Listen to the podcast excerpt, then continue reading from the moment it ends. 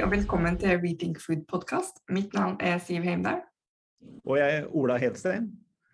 Og vår lille podkast skal da handle om eh, bærekraftige matsystemer. Liten podkast, stort tema. Veldig stort tema og ganske mye aktivitet denne uka. For det, det, er jo, det, er jo, en av de tingene vi skal snakke om, hva du har drevet på med, for det har jeg ikke helt kontroll på, for å være helt ærlig. Eh, og så skal vi også snakke om eh, regjeringas nye satsing på Bionova. Eh, og det er jo noe vi har jobba en del med før. Eh, så når da denne eh, innspillsrunden kom, så var det jo litt sånn bekymra for at vi helt tatt hadde tid til å sende inn det innspillet, for gudene vet hvor du har vært hen, egentlig. Nei, jeg har jo drevet på med mye annet, og um, vi klarte jo å sende innspillet liksom ti på tolv, da, så da, da, går det jo akkurat. Men uka har jo vært prega rett og slett av invitasjoner til ulike arrangementer uh, som har hatt matsystem, bærekraft uh, på, på temaene, og veldig forskjellige arrangementer. Jeg tenkte vi skulle komme litt tilbake til det, men vi snakker litt om denne Bionova først. Det, jeg tenker jo det er ganske mange som aldri har hørt om det før, selv om vi har jobba litt med det sånn i, i kulissa. Vil tror du drar litt sånn historien bak hva det er Bionova greier ned for noe? Altså, jeg tror vi kan skru tida sånn kanskje fem, seks, sju år tilbake. Eh, og da ble det gitt eh, stadig vekk innspill til budsjettprosessene til regjeringen fra, fra flere aktører som påpekte at man trengte eh, noe tilsvarende for de fornybare biologiske ressursene som man hadde for Enova. Altså, de biologiske ressursene er jo like fornybare som den fornybare energien som Enova jobber med. Eh, mens støtteordninger og incitamenter har vært eh, svært lite av. De har liksom ikke vært relevant for verken Enova eller andre virkemidler. Så da har det vært foreslått, eh, foreslått å etablere risikoavlastningsordninger fra myndighetene, slik at man kunne satse på det som åpenbart er riktig for framtida, men hvor markedene umodne, eller teknologien må testes ut og skaleres opp, eh, både innenfor biologiske løsninger, som å produsere protein fra gjær og fra tang og tare eh, i, som ressurs, eh, til nitrogenfangst og CO2-fangst i, i, de biologiske prosessene. Så det er et vell av, vel av muligheter, men veldig tynt med, med støtteordninger. Og så kom, kom, det jo, kom, det jo, inn da i denne klimaavtalen, altså landbrukets klimaavtale, hvor uh, landbruksorganisasjonen gjorde en avtale med regjeringen om å kutte mellom 4 til 6 millioner tonn i landbruket fram mot uh, 2030. Uh, der ble det da en Det var der vi så Bionova for første gang i Hurdalsplattformen. At Eh, de foreslo å lage et incitament for å gjøre bønder i stand til å investere i klimateknologi, for å få ned nettopp disse fire til seks millioner tonn eh, på en eh, rask nok måte. Men det var SV som insisterte på de her midlene i statsbudsjettet. Hadde, de, hadde regjeringa glemt av sine egne punkter da, eller hva skjedde? Nei, det, Vi kjenner jo ikke til alt som skjedde i kulissene, men eh, i hvert fall så ble de, eh, den beskrivelsen av Bionova i Hurdalsplattformen endra inn i statsbudsjettet for, eh, for 22. Eh, og det tror vi at det var SV som, eh, som dytta i retning av, for de sa da at eh, her skal man selvfølgelig gi, sørge for penger til å gjennomføre klimaavtalen, men så skal det også være en utvikling av Eh, bioøkonomi og etablering av ny teknologi som øker verdiskapningen de, fra de fornybare biologiske ressursene i jord, skog og hav. Og da kommer vi veldig nært de eh, innspillene som har vært gitt til eh, skiftende regjeringer før det. Men for da der hvor man da, der de har bedt da, på internett, hvor de har bedt om innspill, så skrev man at hovedformålet til Bionova er at det skal bli et verktøy for å bidra til klimatiltak i jordbruket. Eh, og da jeg leste det, så var jeg litt sånn ah, OK, hva skal man si om det? Det var ikke akkurat det største ambisjonsnivået her, med tanke på det enorme potensialet som faktisk ligger i, i de biologiske næringene. da. Nei, det, det, det er eh, Altså Hvis det ender opp med å bli bare det, eh, så er det en tapt mulighet. og da er det, det er nesten sånn at uh, det er litt rart å etablere en, en eventuelt ny institusjon, da, et nytt Bionova parallelt med Enova, hvis oppgaven ikke skal være noe videre enn en, en ny støtteordning til, til jordbruket.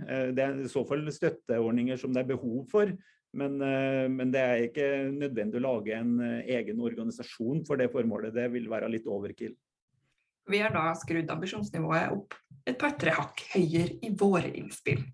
Ja, for vi mener jo, eh, og med rette og ikke alene, at Norge er jo et ypperlig land for å teste ut ny teknologi i anvendelsen av biologisk masse fra jord, skog og hav, og mat i den sammenhengen. For vi har et veldig godt organisert landbruk, og vi har et eh, bra land vi, vi bor i. Vi har øko økonomi.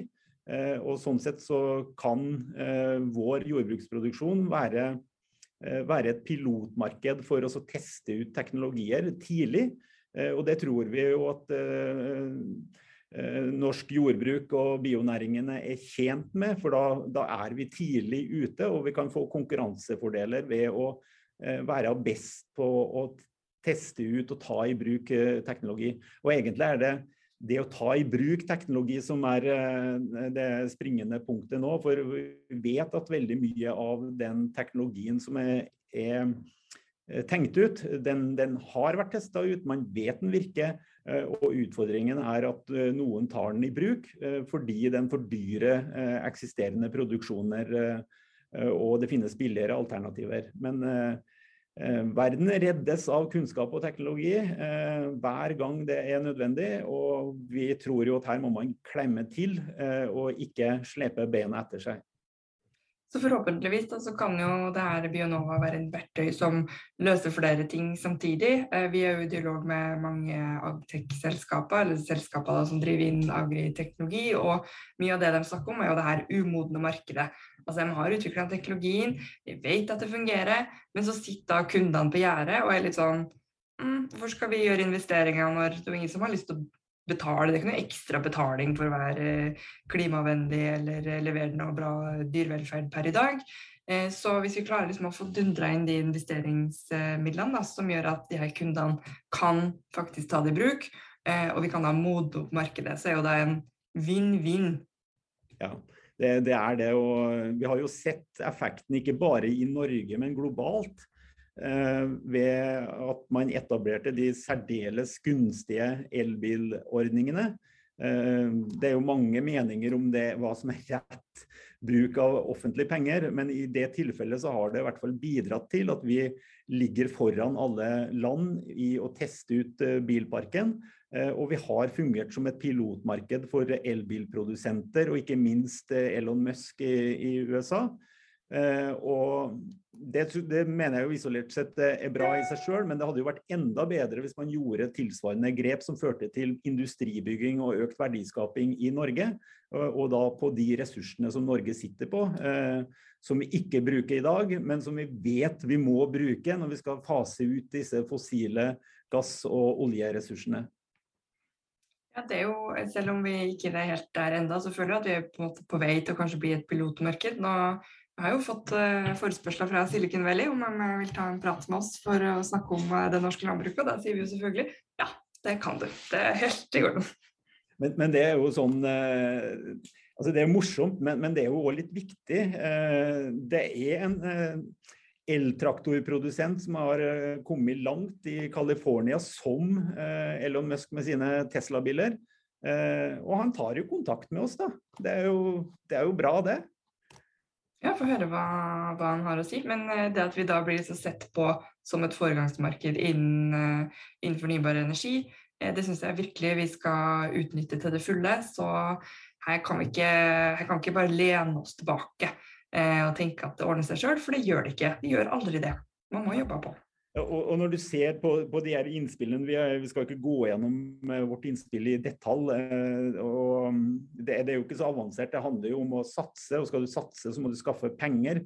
Uh, så det viktigste i vårt innspill som vi kan nevne her, er jo at Når man skal gjøre et skift fra fossilt til å bruke fornybare biologiske ressurser, så er det rikelig med kapital som er relevant å bruke. Og det er jo det som staten tar inn på CO2-avgift, som bør bidra, brukes aktivt til å ta i bruk fornybare biologiske ressurser. Skal vi gå fra noe fossilt til noe fornybart, så er det rett å bruke de avgiftene vi legger på fossilt til å få det skiftet til å skje.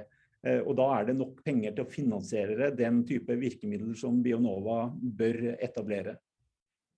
Hvis man da er interessert i å lese hele innspillet vårt, så har vi lagt den ut på nettsida vår sammen med noen andre støttetekster. Så jeg anbefaler da å gå inn på rethinkfood.no, og der skal du finne da våre innspill og andre kloke tanker. Vi har jo en del av dem, syns vi sjøl, da. Ja, det har vi. Og vil du virkelig dykke dypt inn i oss og se hva flere enn oss mener, så så er det å gå inn på høringssidene til Landbruks- og matdepartementet, hvor du finner alle innspillene liggende ute.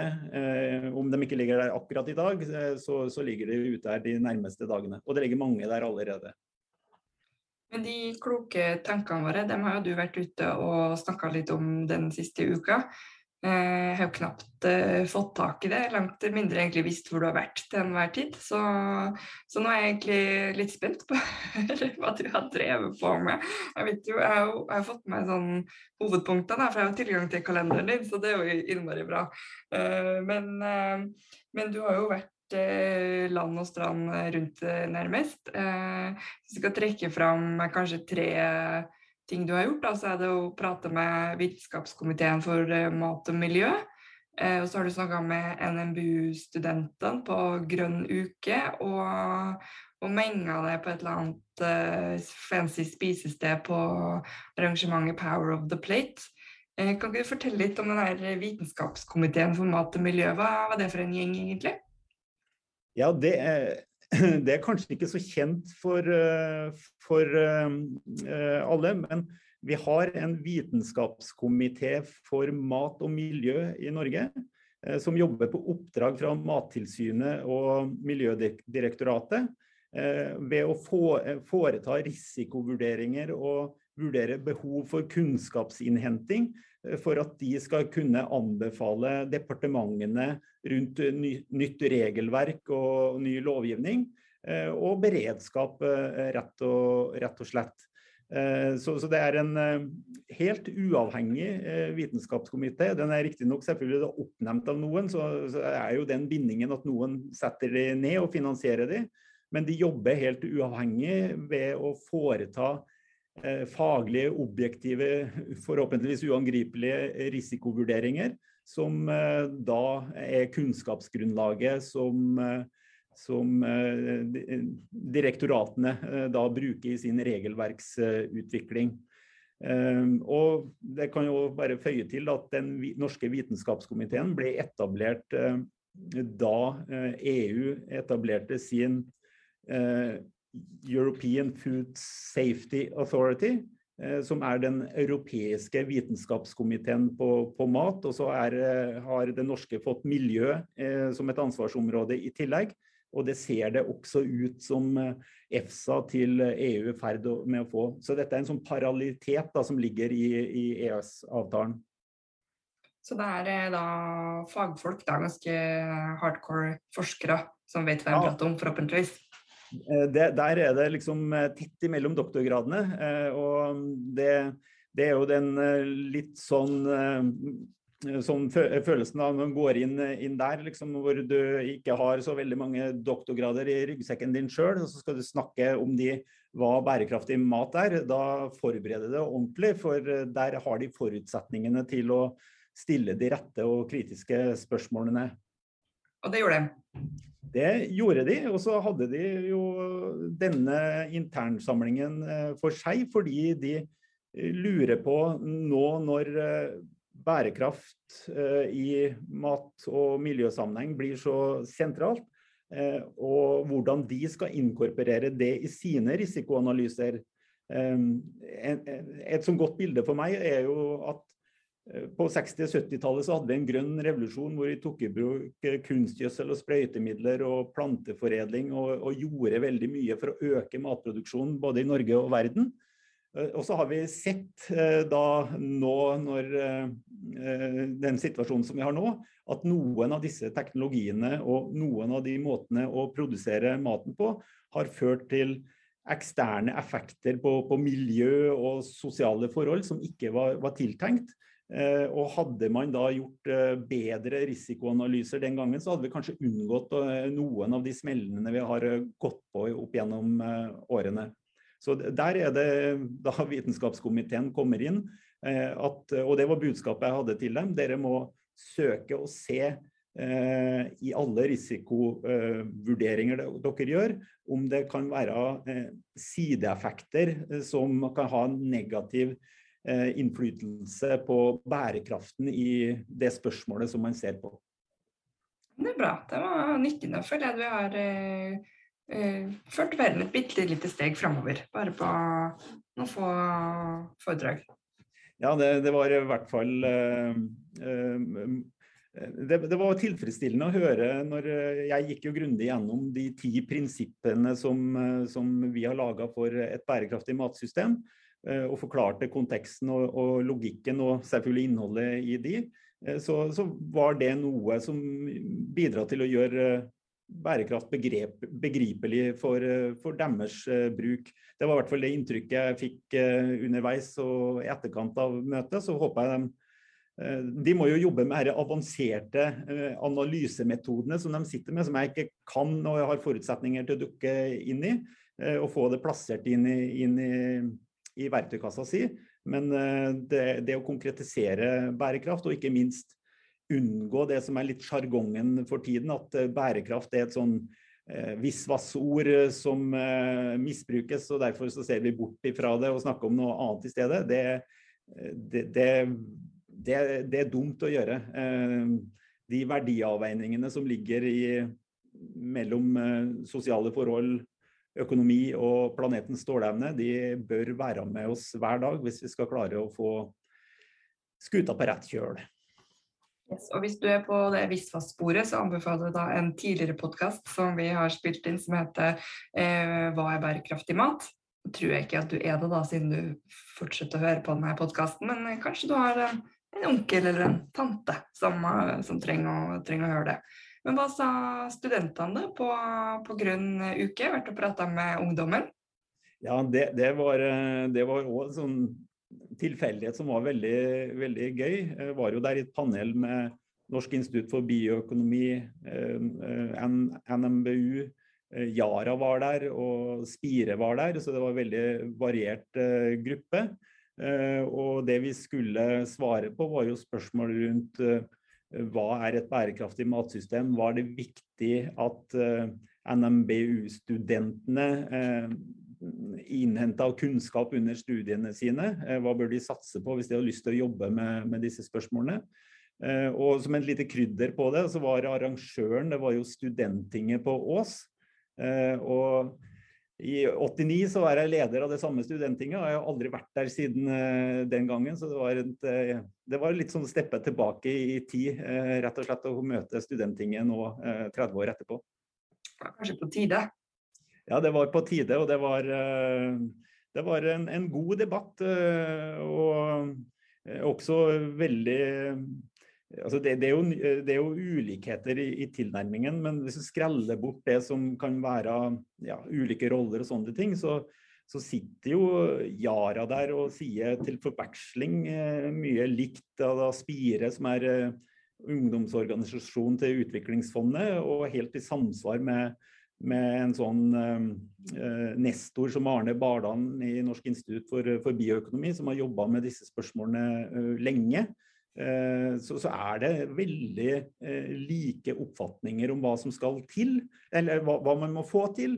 Og så er det veien dit da, som, eh, som er vanskeligere å være skråsikker på, hvor det er litt ulike syn på hva, hvordan man skal gå av gårde. Da kommer Vitenskapskomiteen inn og kommer med noen risikoanalyser som kan hjelpe oss på vei. Ja, men det tror jeg er litt uh, poenget. For, for uh, NMBU, altså instituttet på Ås, uh, det, de er jo på mange måter et grønt institutt som har primærkompetansen på, på, jord, skog og matproduksjon. og når de skal, si, utvikle den studien i, i rett retning, så, så, trenger de input på de risikovurderingene som, som Vitenskapskomiteen gjør. og vi vet jo at Eh, at fagfolkene på, på, Ås bruker jo selvfølgelig mye av det, eh, de vurderingene som går på, eh, på mattrygghet og dyrehelse og slike ting. Og det er bare bra om Vitenskapskomiteen kommer med noe enda mer som går på miljø og matsikkerhet og de, de nye temaene som ser ut til å bli veldig viktige i årene som kommer. Jeg så at og Ås-studentene hadde også etablert en bærekraftskomité. Så der, eh, hvis man er student, så kan man jo ta kontakt med dem og høre om man kan stille som frivillig. Hva vet jeg. Men eh, det hørtes i hvert fall spennende ut, og noen ting som jeg hadde kommet til å engasjere meg i når jeg var student. Men siste, da. Du har jo også vært, vært og menga deg på det som så ut som en flottesen restaurant. Ja, det var en, uh, mer en bar, egentlig. Ja. uh, der, skulle, der var jo min, uh, min rolle å moderere. Nei, det var et flott, flott sted. Og det var da Sustainability Hub som, som arrangerte den. En norsk, norsk klynge for bedrifter som jobber med bærekraft. Og det var finansiert av eh, noen EU-midler. Eh, og formålet var å sette søkelyset på alt som er bra med å spise plantebasert. Eh, og hadde søkelyset på det.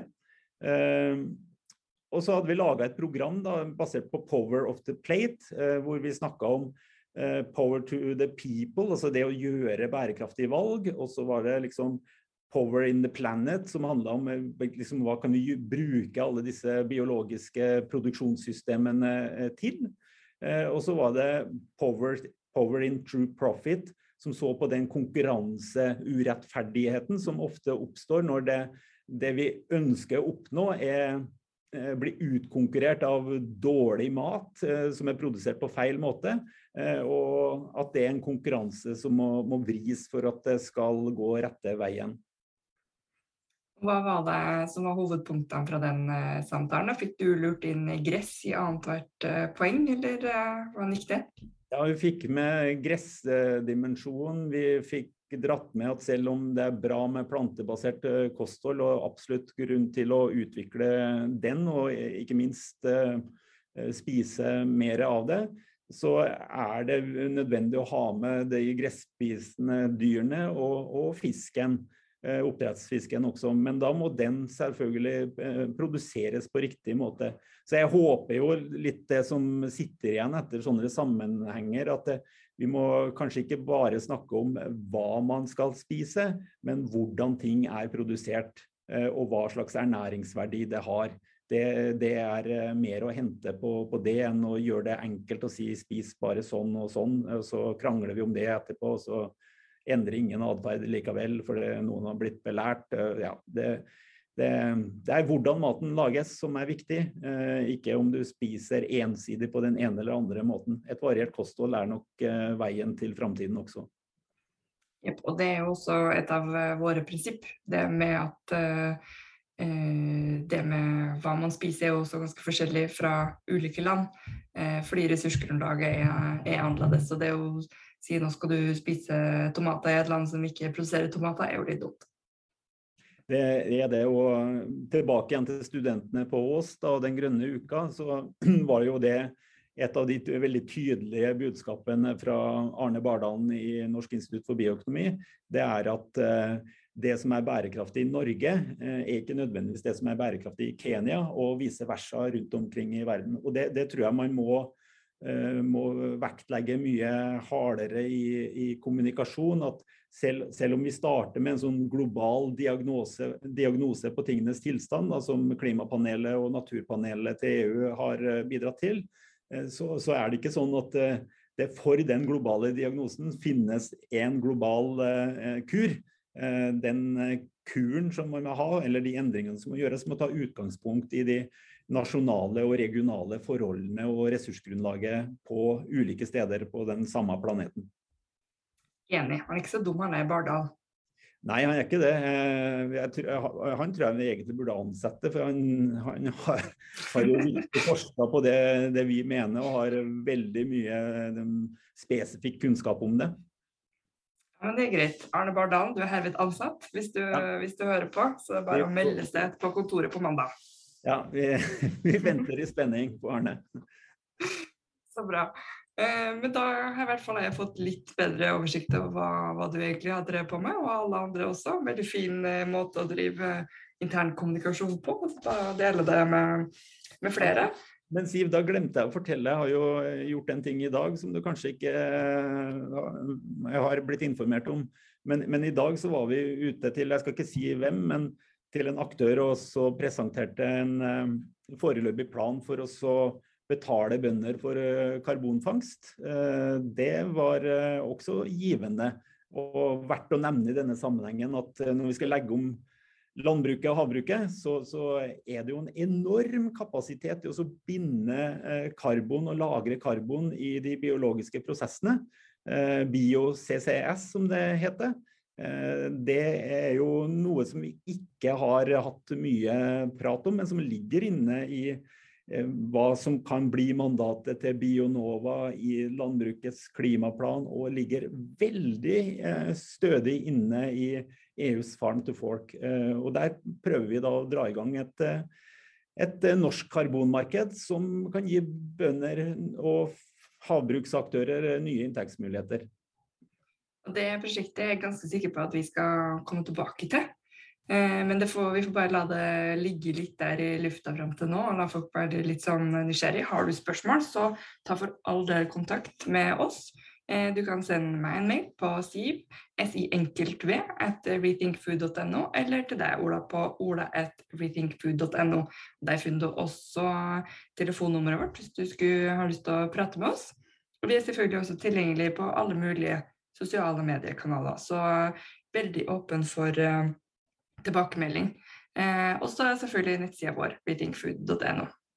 Eh, bare sånn helt til slutt så eh, skal vi jo ha en live-zoom. Hvem er det vi skal prate med, eller du da, hvem er det du skal prate med denne uka? Det er Sverre Bjørnstad. Eh, han er nå eh, direktør i Innovasjon Norge Innlandet. Eh, har sånn sett da jobben med innovasjon og teknologi, som vi allerede har snakka mye om.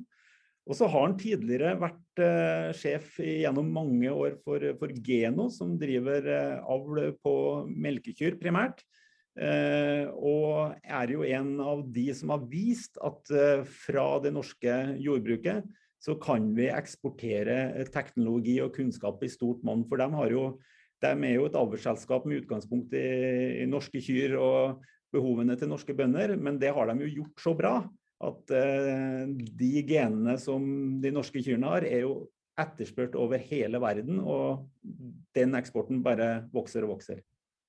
Det er dødskult det han har fått til der. Hvor mange er det som har, eh, kan vise til eksportsuksess fra norsk landbruk? Kan vi telle det på én hånd, eller vet du hva?